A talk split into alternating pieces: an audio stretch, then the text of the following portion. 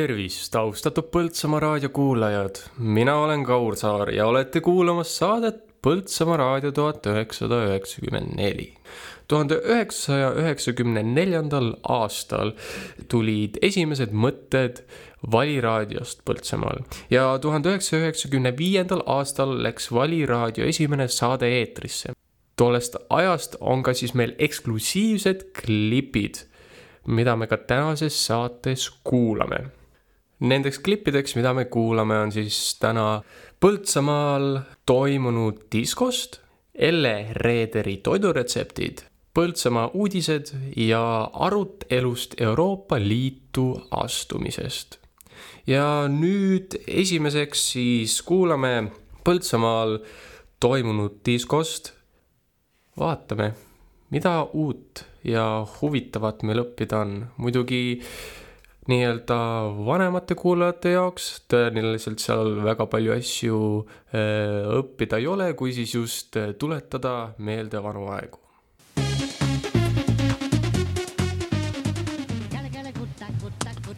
eelmine laupäev oli Põltsamaa kultuurimajas koos suur hulk noori ja lõbusaid inimesi. toimus sügishooaja avadisko sina, Kalev, olid selle asja eestvedaja, kuidas läks? Noh, mis ma oskan öelda, võib öelda vist tõesti niimoodi, et läks väga hästi, kuna rahvast tuli ikka päris palju kohale ja noh, tundus, et kõigil oli ikka küllaltki lõbus ka. ei olnud päris nii, et kõik oleks nüüd nurgas istunud just ja vaatanud, mida kõik teised teevad. Äh, kas äh, see hirm ei olnud seekord asjakohane et kultuurimaja teise kohta tõstetakse? Oli ikka ja selle vastu oli ka võitlus olemas, oli kohal meie turvafirma ESS-i mehed, kaks meest, kes siis valvasid selle eest, et nad siis tükkhaaval ei tassiks teda teise kohta ja noh, siiamaani vähemalt jäi, jäi ta küll selle koha peale. Rääkisid ka pärast pidu turvameestega, missugune oli põhiline probleem, millega nemad pidid kokku puutuma? Noh, mõnedelt noortelt inimestelt võeti ära sellel õhtul mõningad pudelid alkoholi. ja mitte just kõige lahjemat, päris kanget alkoholi, seal liitriseid pudeleid viinasid ja nii edasi. mis nendega siis pärast pidu sai, nende pudelitega ma mõtlen? noored käisid ja palusid jumala keeli ja lõpuks anti nad neile tagasi tegelikult vist äh, seaduse järgi käitudes oleks nad pidanud alaealistele vähemalt andma need pudelid nende lapsevanematele, kuid vaevalt, et nad seda oleksid julgenud oma emme-isside käest paluma minna. Äh, missugune kontingent siis käis laupäeval diskol, kui vanad olid need noored inimesed, kes tantsima tulid? no ma arvan, et kõige nooremad olid seal kuskil kümne-üheteistaastased. isegi nii? isegi nii noored. Ja kõige vanemad vastu olid ikka seal kuusteist, seitseteist, kaheksateist, üle selle nagu ei paistnud eriti olema. kooliõpilased ikka suurem jagu. seekord oli vist ilm veel suhteliselt soe, nii et äh, suusamütsides vist ei käidud, kuid missugune on siis tänapäeval see noor, kes diskosaali uksest sisse astub? See, et külm ei ole, ei tähenda seda, et suusamütsiga ei käida. tundus, et täitsa moes on see suusamüts, sest et tantsiti suisa nende suusamütsidega, mõni oli endale nahkijaki palja ihu peale pannud ja kuida, kuida keegi. kuida kellelgi parasjagu võimalusi ja noh, üldse raha ja kõike muud on. üldiselt näha oli väga kirevalt riietatud inimesi, noh, eks igaüks üritas ennast ikkagi kuidagi välja lasta paista ja noh, kui ta siis keegi oskab või tahab või võimalusi on võib-olla oli kirev riietus tingitud ka sellest, et sa oma peokuulutuse peale valisid kenad poolpaljad Hawaii tütarlapsed lillepärgades, võib-olla üritati stiili hoida? no võib-olla, noh, see kuulutuse värk on ka tegelikult juhuslik, see lihtsalt rehvas selline, aga noh, näha küll ei olnud, et keegi oleks nüüd just tõesti rinnahoidja väel sinna koha peale tulnud ega tedagi vist tagasi poleks saadetud, ma arvan. oi, vaevalt, vaevalt, vaevalt, tänu sellele, et kas sealt keegi noh, nii palju tähelepanu just sellele nüüd pööraski. kindlasti vaadati, aga noh, ei tea ju, ei oska öelda ka, mida noored ise mõtlevad sellest või arvavad oled sa mõelnud, kas oleks võimalik noorte hulgas ka mingit taolist stiilipidu läbi viia, et, et kindel ajastu, kindel riietus, mis sa arvad, läheks see peale? eks ta vast läheks ikka, aga vahe on lihtsalt selles, et noh, kui paljudel on nüüd võimalust neid riideid saada, kui ütleme, et noh, näiteks sajandi alguse mingit stiilipidu teha, siis kes võtab selle dekolteega, ma ei tea, suure kleidi kuskilt välja see maksab tuhandeid ainuüksi, kui teha lasta ja noh, kellel see raha on. aga võib ka ju kiviaja stiilipeo teha, ma arvan, et suuri konte ja kartulikotte leidub igas majapidamises. no sellel ajal veel kartulikotte ei tuntud, aga noh, eks siis hakkavad koerad ja kass linnast vähemaks jääma ja nahkadega ennast katma, miks mitte. kui palju oli noori umbes kohal sinu silma järgi? No mina oskan enam-vähem isegi täpse arvu ütelda piletite järgi, neid oli kindlasti rohkem, pileteid müüdi kakssada kolmkümmend kuus, kui ma ei eksi. nii et noh, üks kahesaja viiekümne ümber vast. ja pidu algas kell kaheksa? ei alganud, pidu algas kell üheksateist null null, kell pool kaheksa olid juba esimesed tantsijad, kolm tütarlast otsustasid, et noh, ei tasu seda raha tuulde loopida, vaid võib selle raha eest tantsida ka ja kella kaheksaks saime esimese noormehe ka tantsupõrandale, muidugi väikeste stiimulitega loosisime kasseti välja. aga noh, peale seda läks see asi nagu rohkem lahti. ja pidu lõppes kell kakskümmend neli null null? ei lõppenud, pidu lõppes veel varem tänu sellele, et noh, tegelikult peavad lapsed olema kell üksteist kodus ja kuna siis lisalugusid ikkagi tuli natuke juurde, siis pidu lõppes kell kakskümmend kolm kolmkümmend vau, vau, Kalev Kivi, sinu kapsaaeda, sa ütlesid lapsed, nüüd häbi-häbi sulle. Noh, asi on selles, et seaduse järgi niimoodi on kirjas, ei saa mina muuta. tänu sellele, et kui pidada nüüd üheteistaastast ka noorukiks, siis noh, ma ei tea. Nii et ka see meie kartus, et kell kaheksa ei ole ühtegi inimest peosaalis, ei osutunud tõeks jaa, seda küll, tänu sellele, et kohale tulid ikkagi, põhirahvas oli ikka juba kaheksaks-üheksaks kohal, kindlasti, kaheksaks, ütleme mm,. mis sa ise linnainimesena ütled, mis toimus peale seda, kui pidu oli läbi saanud ja kultuurimaa oma uksed sulges? noortel oli pea maha lõigatud, tänu sellele, et kui pool kaksteist neid kultuurimajast põhimõtteliselt noh, välja kedagi ei visatud, nad läksid ikka ise ütlemise peale ja ilusti rääkimise peale, siis peale seda oli niimoodi, et noh, tund aega seisti veel kultuurimaja ees, vaadati, kuhu suunda siis hoidma peaks. kas minna nüüd üle tee ja natukene edasi pidutsema nendel, keda sisse lastakse, või siis teine võimalus, kui sisse ei lasta, siis kõnd-, kõnniti lihtsalt edasi-tagasi, aeti juttu, noh, mõni möörgas ka natuke. no eks noored ikka teevad kõva häält esimene mulje, nagu ma aru saan, oli suhteliselt positiivne ja ei võtnud ära isu ka edaspidi midagi korraldada, on sul ka edaspidi midagi plaanis? jaa, võib öelda küll, et, et positiivne ja võib öelda ka, et on plaanis. neljateistkümnendal novembril peaks nüüd tulema disko, noorte diskurite festival ja noh, sinna on plaanis kutsuda kõiki, kellel on huvi asja vastu ja need võiksid muidugi helistada mulle. Telefoninumbril siis viiskümmend kaks, sada kuuskümmend kaheksa. Ja panna enda nimi kirja, et seal võistelda, sest et noh, ma ei tea, kuidas saab, äkki saame linnavalitsuse ja kultuurimajaga niimoodi kokkuleppele, et vähemalt noh esimesele kohale võiks välja loosida mingi atesteerimise tunnistuse, et ta on sellise kursuse või asja läbi teinud, et ta noh, on võimeline diskuriks olema rahvale. nii et siinkohal siis väike reklaam ja teadmiseks kõigile noortele plaadikeerutajatele, võtke ühendust Kaleviga, saate kätt harjutada, saate ennast näidata ja miks mitte ka atesteerimistunnistused edaspidi noortele pidusid läbi viima aitäh sulle, Kalev ja kohtumiseni järgmisel diskol. no täname.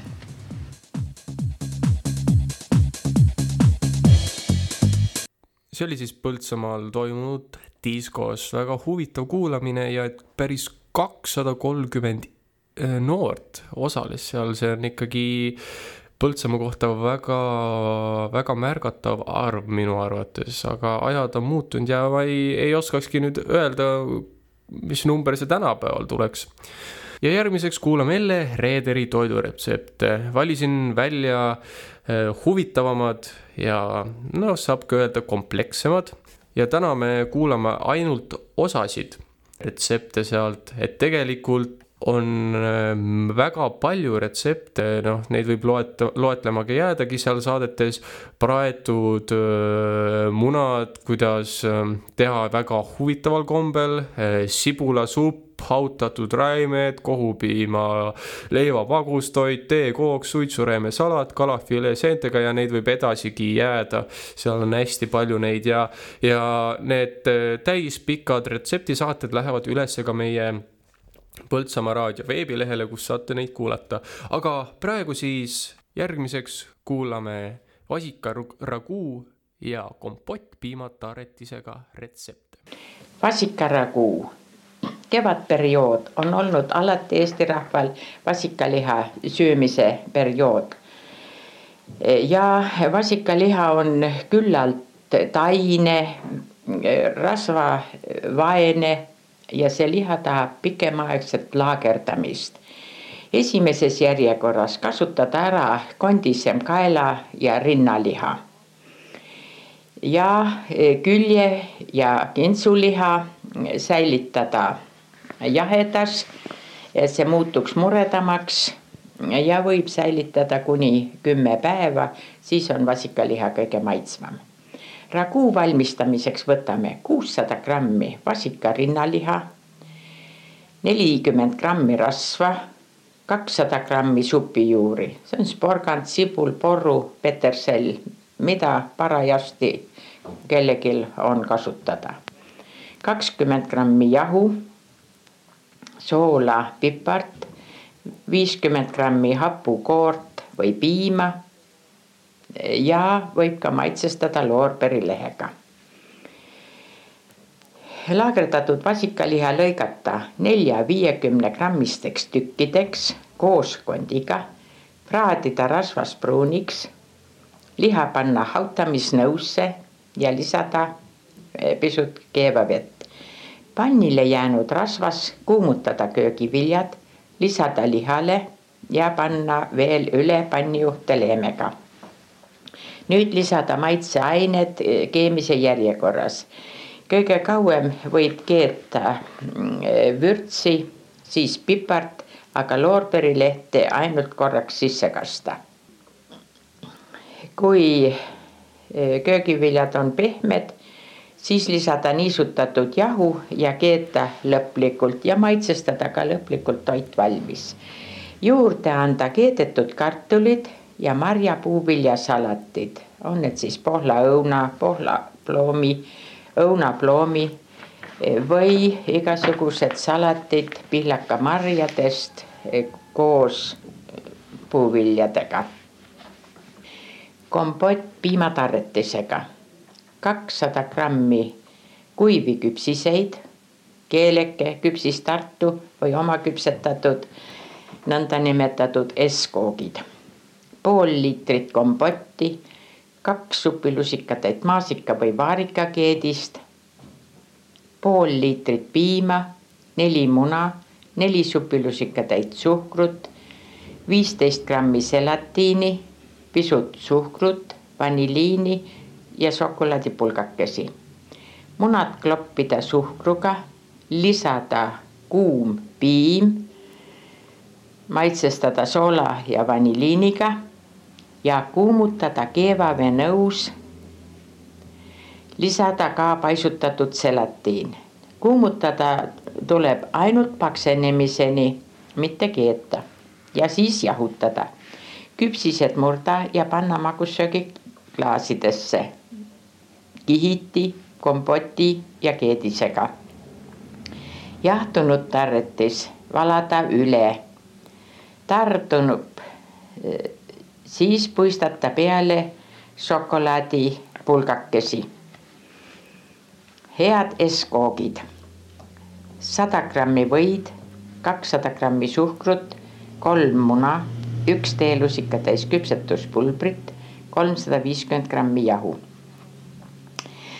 Teha vahustatud taigen, selleks eh, toasoe pehme või, segada suhkru ja munakollastega ja hõõruda vahule. vahustamise ajal lisada väikeste kogustena lahti löödud munavalge. siis lisada juurde küpsetuspulber ja lõpuks jahu. taignast voolida pliiatsi jämedused pulgad, seda on väga kerge teha niiviisi, et eh, vajutate taigna eh, laual poole sentimeetri paksuseks leheks ja siis lõikate sealt kas kuue-seitsme sentimeetri pikkused jupid ja keerata veel nad eh, siledaks ja ümmarguseks. nii on neid kergem vormida ja plaadile pannes anda siis neile kas S-kuju, mõne numbri, tähe, kringli või rõnga kuju. eriti meeldib lastele nendest eh, kujusid vormida. väga huvitavad retseptid, mida mina kindlasti plaanin ka kodus järgi proovida. kompott piimataaretisega, seda ma olen varem söönud, kuid ise mina teinud ei ole. samamoodi ka vasikaruguud mina ei ole teinud. mina kui võib öelda, et toiduarmastajana ja mulle ise endale meeldib väga kokata, siis äh, siin täna veel kuuleme sellist umbes kolme retsepti veel, mis äh, mina kindlasti üritan järele proovida. ja vot üks asi, mis on kindlasti number üks minu järjekorras, on järgmine retsept. selleks on magussinep. tavaliselt olen ka mina ostnud oma sinepi poest kuid äh, siin on ka retsept, kuidas seda ise teha ja vot endale mulle väga sinep meeldib, siis see on asi, mida kindlasti ma proovin ja kuulame. magussinep, me võime osta kauplusest, sinepi valik on küllalt suur, aga kes armastab ise sinepit teha, siis munatoitudele ma soovitan just magussinepit. selleks sada grammi sinepipulbrit, viiskümmend grammi suhkrut, kümme grammi soola kümme grammi tärklist, veerand liitrit puljongit või vett, viisteist kuni kakskümmend viis grammi kolmekümne protsendilist äädikat ja pisut konjakit. sõelutud sinepipulber, suhkur, sool ja tärklis segada veega ja keeta viis minutit. jahutada, lisada äädikas ja konjak, valada purki purk sulgeda kaanega ja hoida viis kuni kuus päeva. vahetult enne tarvitamist segada hapu või vahukoorega. see on eriti sobiv just muna ja linnuliha ja köögiviljasalatite kastmete maitsestamiseks. ega see selles mõttes nii raske retsept ei olegi ja kindlasti saab järele proovida ja järgmiseks viimaseks kaheks retseptiks on meil rullbiskviit jäätisega ja hapukapsasalat maapirniga. kuulame. rullbiskviit jäätisega. rullbiskviidile võtta neli muna, neli supilusikatäit suhkrut, kolm supilusikatäit jahu, üks supilusikatäis kartulijahu, üks kolmandik liitrit keedist või marmelaadi pool pakki perejäätist, kompotimarju või puuvilju. biskviidi valmistamiseks on väga mitu moodust ja iga perenaine kasutagu seda, mis tal käepärasem on. mina olen leidnud endale kõige käepärasemaks sellise mooduse, et munakollased hõõruda kahe kolmandiku osa suhkruga, munavalged vahustada ühe kolmandiku osa suhkruga ja siin ei ole vaja munakollaseid väga tugevasti vahustada. E, valge e, vahustada suhkruga kõvaks vahuks, see kannatab väga hästi segada juurde igasuguseid materjale.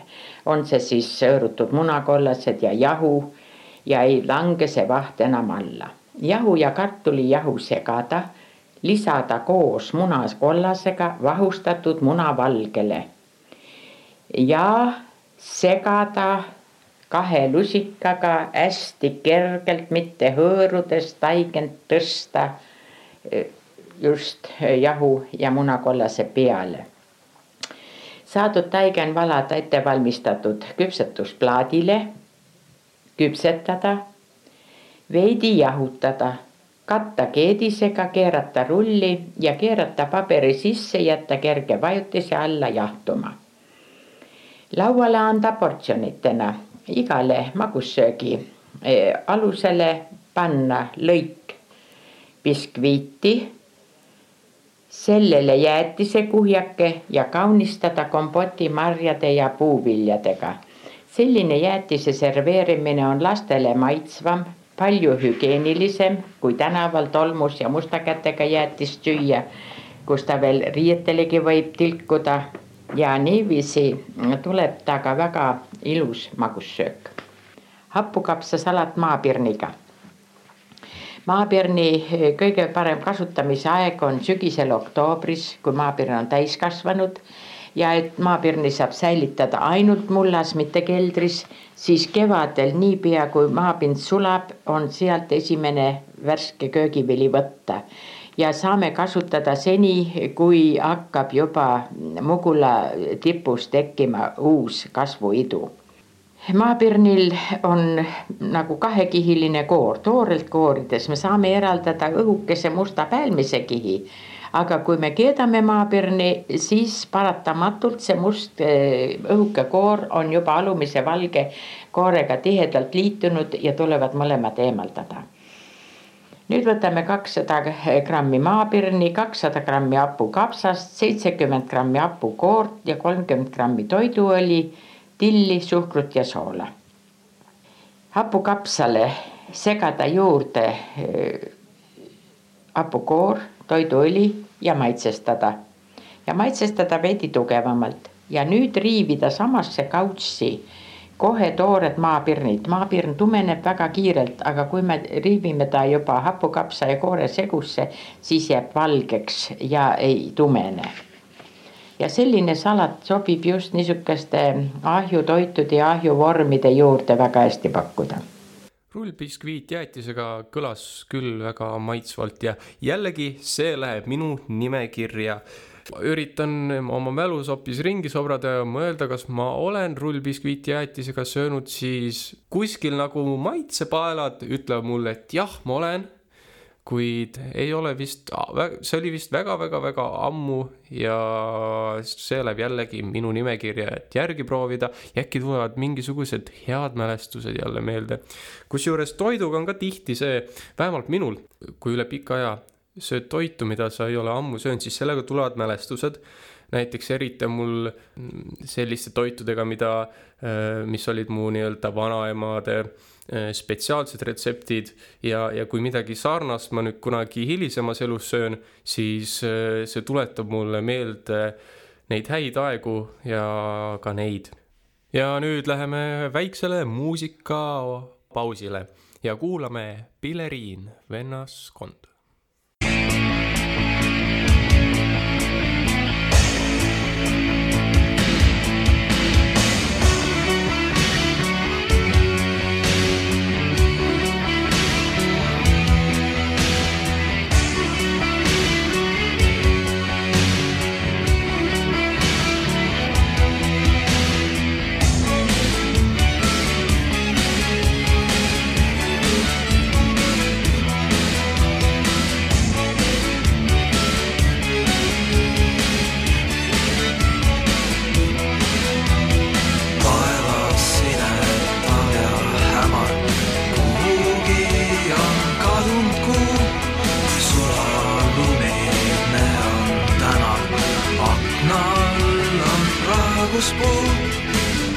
lume sisse liiga triibud, teinud sinust soovkelk.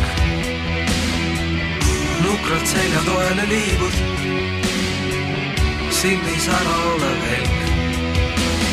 Lilleriin, Lilleriin, kohtume me täna siin, õhtu sinas laaternate all. Lilleriin, Lilleriin, lapsepõlv on möödas siin, varakevadisel tänaval.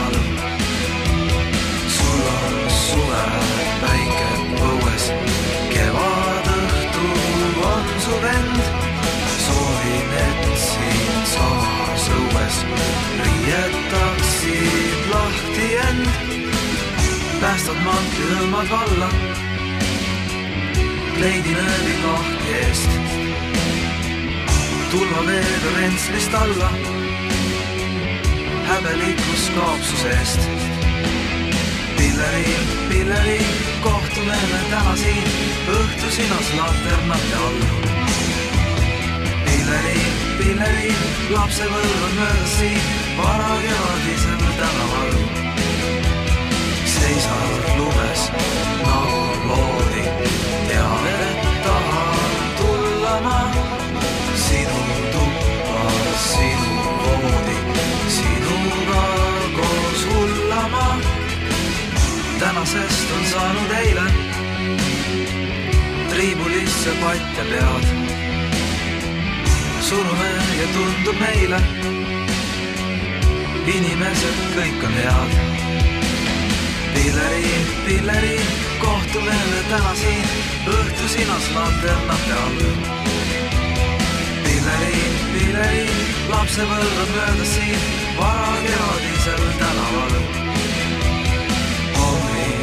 Hommikuses päiksesara, sinisilmad lahti teed, kuulata, kui akna taga rõõmsalt vulisevad veed. ära mulle silma tüki, päikene vab pudrusilm läbi väikse klaasitüki. roheline näib maailm. Kohtume me täna siin õhtusinas lanternate all. pilleri, pilleri, lapsepõlv on möödas siin varakevadisel tänaval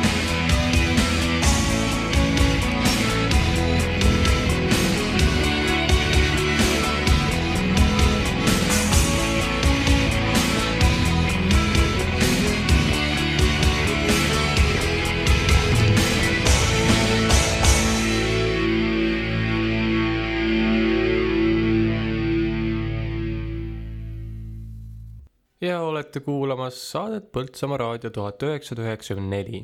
ja nüüd kuulame esimest uudisteklippi ja see räägib noorte poliitikute päevast Riigikogus.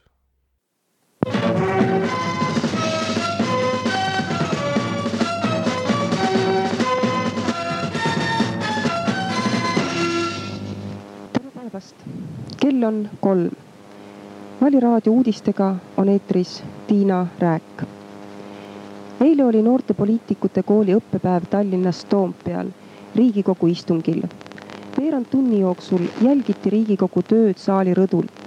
sel ajal oli juttu seaduse parandusest, mis puudutasid väliskaubandust, väliskaubandusseadust. saalis oli sel hetkel umbes nelikümmend seitse saadikut, registreerunud oli aga seitsekümmend üks saadikut parlamendihoone ajaloost rääkis noortele välissuhete osakonna referent Maris Meriste. parlamendi tööst kõneles Riigikogu juhataja nõunik Rein Mugur. noortele esines ka mõõdukate fraktsiooni liige Heiki Nestor, kes on ka Sotsiaaldemokraatliku partei juht. tema rääkis sellest, et riigiametnike palgad on madalad ning selle tõttu lahkuvad paljud paremad spetsialistid eraettevõtlusesse ta puudutas ka öövel Einselni konflikti, isiklikult tema ja Sotsiaaldemokraatliku partei sümpaatia kuulub Aleksander Einselnile.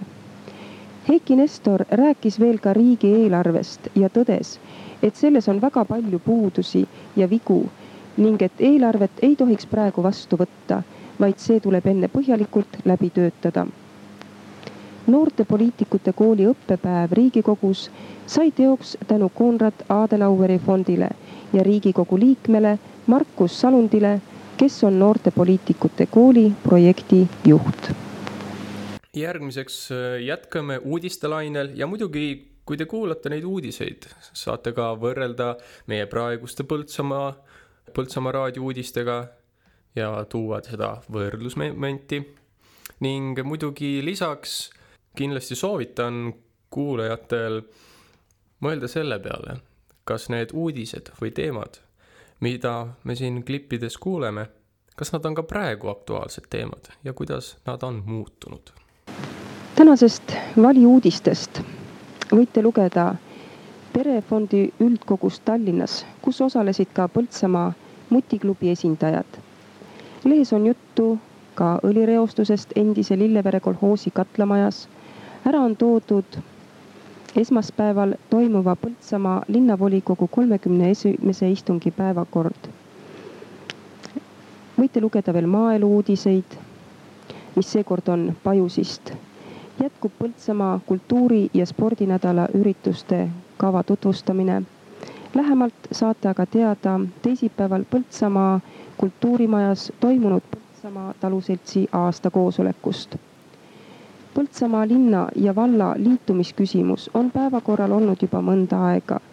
lõplikku otsust antud küsimuses aga vastu võetud ei ole. Toomas Reinpõld püüdis teada saada nii linna kui vallajuhtide seisukohti nimetatud küsimuses. mida arvab aga linna ja valla liitumisest maa- ja linnarahvas ise? valiuudised ootavad teie ettepanekuid ja arvamusi esimest korda jõuab lugejani vali ajaviitelehekülg, kus saate lugeda Elle Reederi soovitusi jõulutoitude valmistamiseks ning Eve Oro näpunäiteid jõulukaunistuste valmistamiseks. veel sirvime taas päkapikku märkmikku ning hulgaliselt on veel spordiuudiseid ja reklaami. homme, homme on algusega kell kuus Põltsamaa kultuurimajas Põltsamaa puhkpilliorkestri saja kolmekümnenda sünnipäeva kontsert. esitatakse Henry Mancini, Spencer Williamsi, Andrew Lloyd Weberi, Glen Milleri, Ülo Raudmäe ja teiste loomingut. dirigeerivad Eino Georg ja Urmas Mägi. kontserdipilet maksab viis krooni esmaspäeva õhtul kell kuus annavad Põltsamaa muusikakooli õpilased ja õpetajad muusikakoolis kontserdi. esinevad nii solistid kui ansamblid, kontsert on tasuta. muusikakool ootab kõiki muusikahuvilisi esmaspäeva õhtul kell kuus. Põltsamaa raamatukogus on homme algusega kell kolm loeng nõiaprotsessidest loitsudeni Põhja-Viljandimaal loengu peab Tartu Kirjandusmuuseumi teadur Mare Kõiva. täna õhtul kell kuus ja homme hommikul kell üksteist mängitakse spordikompleksis Mõnu Vooremaa võrkpalli. homme-ülehomme on Jõgeval jalgpalliturniir Sport Cup tuhat üheksasada kaheksakümmend kolm aastal ja hiljem sündinud Eesti Evangeelse Luterliku Kiriku Põltsamaa koguduse teated. homme õhtul kell kuus toimub kiriklas noorteõhtu. pühapäeval kell üksteist on kirikus teise advendiaja jumalateenistus koos armulauaga. laulab koguduse lastekoor. pühapäeval kell üks oodatakse kõiki lapsi teise advendiküünla süütamisele Lapileenu mänguväljakule. ka seal laulab koguduse lastekoor pühapäeval kell neli toimub külatund Umbusi sööklas. õhtut juhivad Joel Luhamets, Mikka Toivonen ja Allan Taruste. seoses tuleva-aastase Põltsamaa linna seitsmekümnenda juubeliga kuulutab Põltsamaa linnavalitsus välja juubelisümboolika kavandite konkursi. kavandil peab olema tekst Põltsamaa seitsekümmend ja see peab sobima kasutada plakatitel ja trükistel. tööd tuleb varustada märksõnaga ja esitada Põltsamaa linnavalitsuse sekretärile kahekümnendaks detsembriks. parimale kavandile antakse välja preemia viissada krooni. esmaspäeval võtab jälle aktsiaseltsis Vali Silla tänav kaks vastu raadioaparaate, millel puudub lääne ultralühilaines sagedusala. et neile lisada sagedusala kaheksakümmend kaheksa kuni sada kaheksa megahertsi. tehniliselt on see võimalik teha pooljuhtaparaatidel. ümbertegemine maksab viiskümmend krooni ja tagasi võite selle saada juba järgmisel või ülejärgmisel päeval Puhuristi pood ja söögimaja võtab veel vastu tellimusi jõulupakkidele. pakke valmistatakse ka eritellimusel. Puhuristi söögimaja võtab vastu tellimusi jõulu ja aastavahetuse pidude korraldamiseks. samas võib lasta valmistada ka peotoite. samuti on söögimajas pidevalt müügil piparkoogitaigen, sült ja pasteet. Puhuristi pood pakub veel ka odavaid suvasukkpükse, sokke ja sukki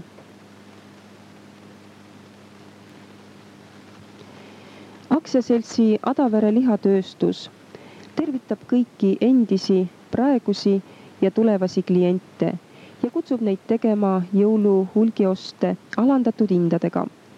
aktsiaseltsi Adavere lihatööstuse müügikioskist.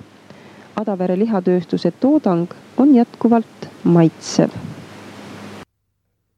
Ja nüüd lõpetasime Vali raadio uudistega ja järgmiseks kuulame lühikest muusikapala Tere, perestroika, JMKE.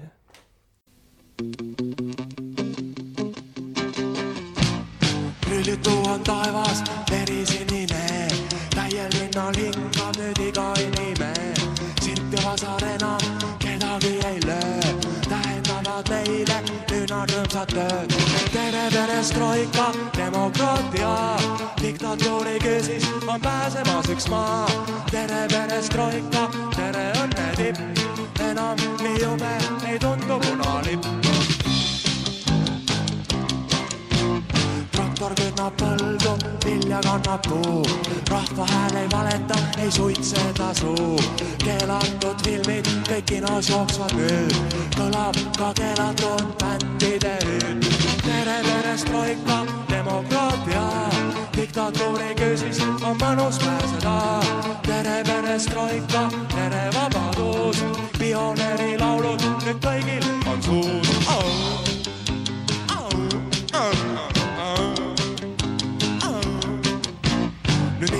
Miilitsa munder ei aja öökima, hõbedaseks nimetada teda lausa saab. miilits ja punkar sõbralikult näe, ulatavad teine teisele nüüd käe.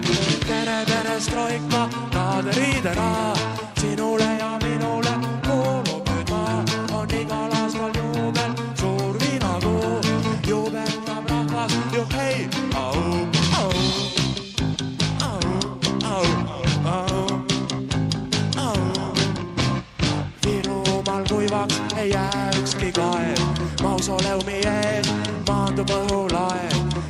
mis sa kostad, demokraatia on nii suur, et seda imetledes lahti äkki suur.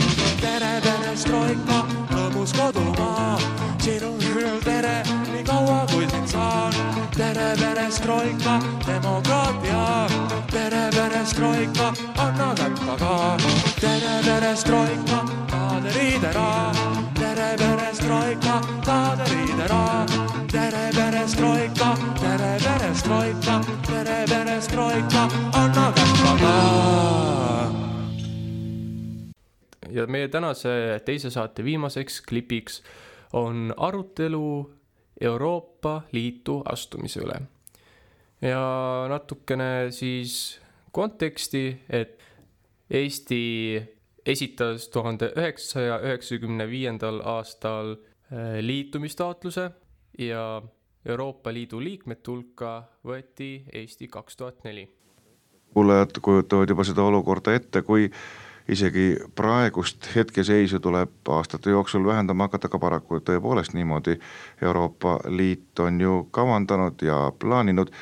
kas ta on ka mõelnud selle peale, mida siis teha selle töötajaskonnaga, kes maal tööta jääb, on ju praegugi juba neid inimesi piisavalt, kellel ei ole võimalik leida maatingimustes tööd, mis siis veel saab? vaat see ongi see osa, et nagu ütlesin, et siin teatud maades ja on see Rootsi siis ja tõesti töötuse aste on suuresti-suuresti tõusnud. ja on see siin, on isegi need vanad maad, mis on praegu Euroopa Liidu sees, Prantsusmaad, et. et üks kümnendik, üle ühe kümnendiku elanikkonnast ongi ainult toetuste najal elavad ja nii edasi, nii edasi, see on nagu elulaadi osa, need nagu meil on prügikasti inimesed, et need peaksid tulema. see asi on lahendamata täna sest tuletagem meelde ja tõepoolest Soome, Rootsi või hoopistükkis Prantsusmaa töötud ka nende riikide tase on hoopis teine kui Eestil ja nemad suudavad oma töötute eest hoolitseda, meie paraku ju mitte ja Euroopa Liiduga ühendades, mis siis veel saab? No see ongi küsimus, tegelikult on Eestil on olemas need eh, oma alternatiivsed teed on olemas ja Eesti on üks rikkamaid riike tegelikult maailmas, eh, ütleme ühe elanikkonna kohta ja meil on Kirde-Eesti selleks. miks ongi kõik välismaailm, miks Venemaa oli huvitatud Kirde-Eestist, mis Ameerika tuleb siia, miks Euroopa Liit tuleb siia, miks meie erakonnad ja erakondade inimesed jooksevad sinna Kirde-Eestisse kokku, see on nüüd päris suur rikkus. seal on, ütleme need, selle kohta on toodud andmestikku välja siin, et eh, mis rikkused seal tegemist on, on kuni sinna uraanideni välja, aga see on suur rikkus. aga kui nüüd tuleme tagasi veel just selle küsimuse juurde, millist kahju, ütleme siis niimoodi, kuna tegu on ju euroskeptikutega, tooks kohalikule majandusele, täpsemalt siis põllumajandusele kaasa ühinemine Euroopa Liiduga, me jäime pooleli selle koha pealt, et tootmise taset tuleb vähendada, see toob kaasa töökohtade kaotamise, mis veel võib juhtuda? no ütleme, et kui täna inimesed saavad maal tegeleda põllumajandusega, neil on lehm, on ta siis seal kanad ja nii edasi. see läheb kõik likvideerimisele sõna otseses mõttes. ei tohi õunapuud olla, ei tohi seda olla, kuna see jääb jälgu nendele normatiividele, nendele normatiividele. või Soome näited, et helistatakse suurelt kuskilt ministeeriumist, helistatakse, küsitakse, kas teil on veel need neli kana alles, mida te ennem deklareerisite et selles osas on tõesti nüüd äh, see pilt väga katastroofiline ja ma ütleksin, noh, julgesin väita, et isegi väga-väga katastroofiline osa. sest äh, Euroopa Liidus on need erinevad maad, et kui me vaatame, et keskmiselt ela, töötab põllumajanduses kuskil viis protsenti tööhõivelisest elanikkonnast, siis Saksamaal on see protsent kuskil kolme kandis.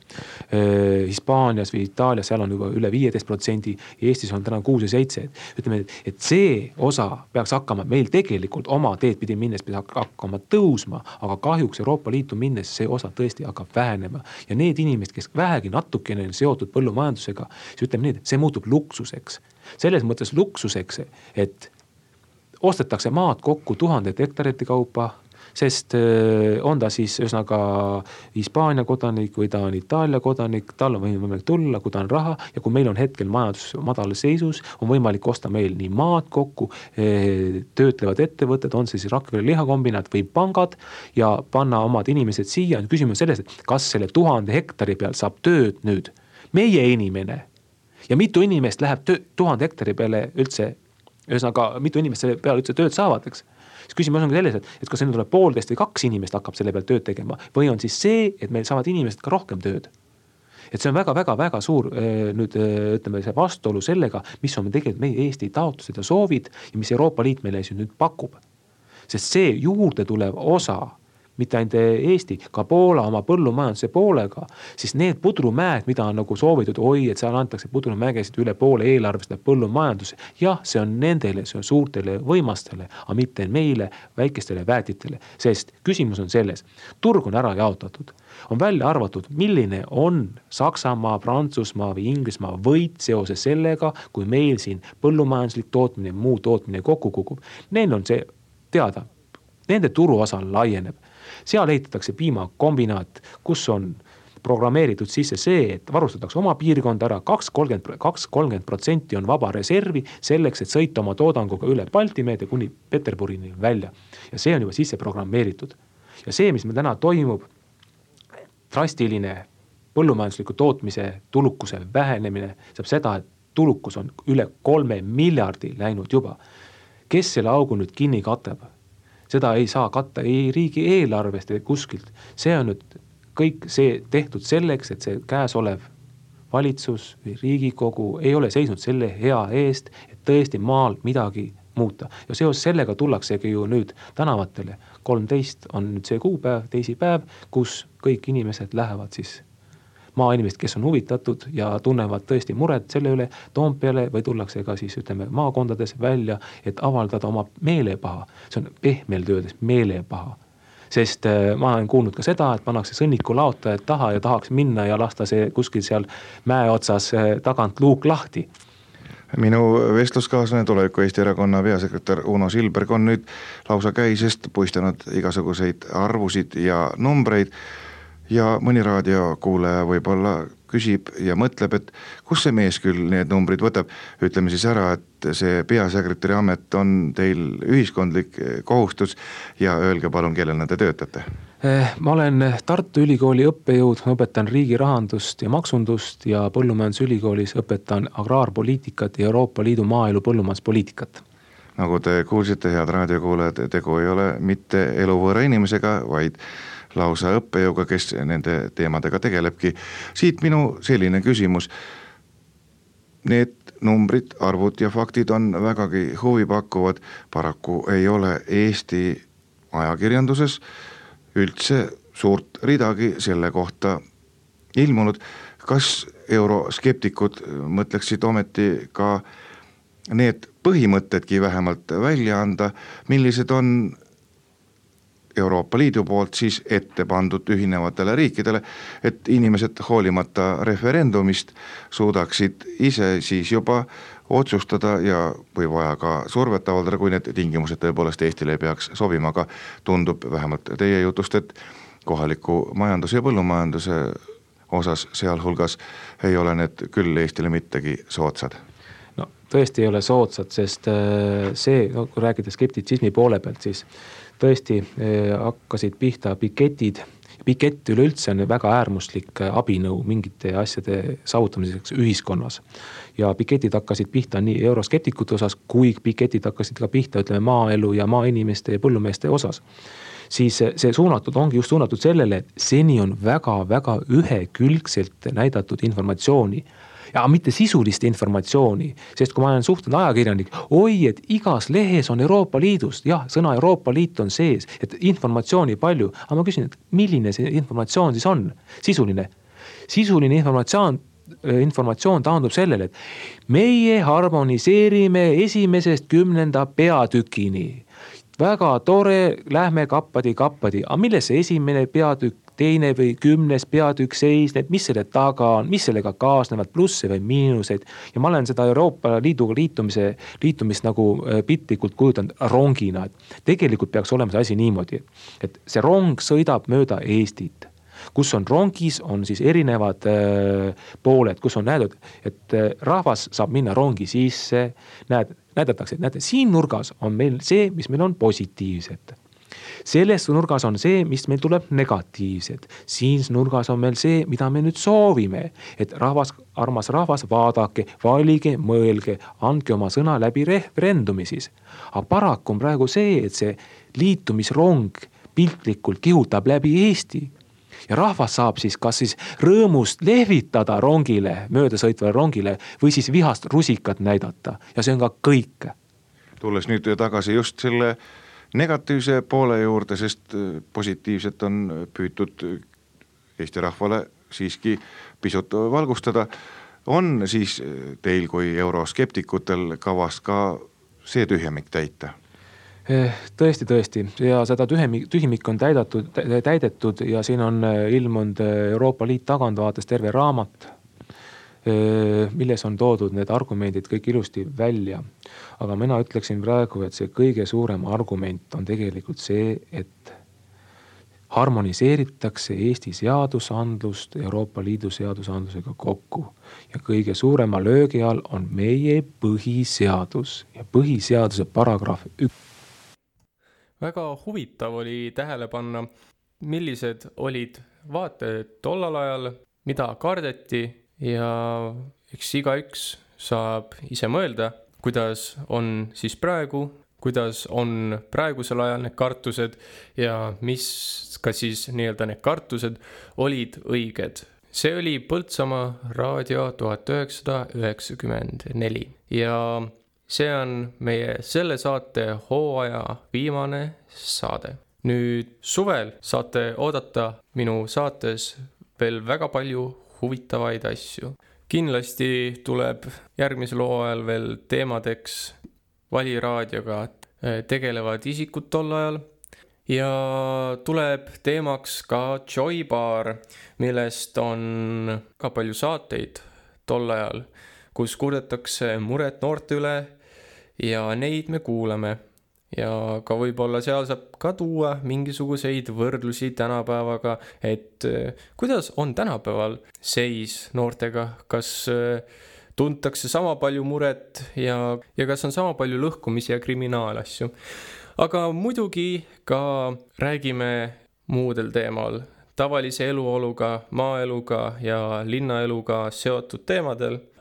ja lõpetuseks kuulame Lilleke Rohus De tuberkuloited ja soovin teile kõigile häid kordaminekuid tulevaks aastaks.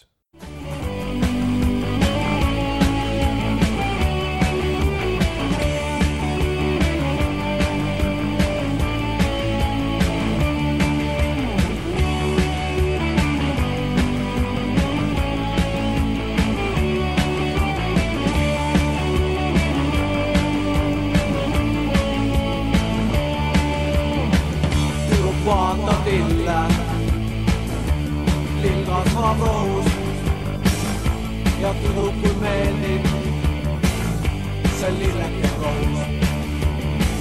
tüdruk vaatab lille, mina tüdrukut rohus ja minule meeldib see lilleke rohus.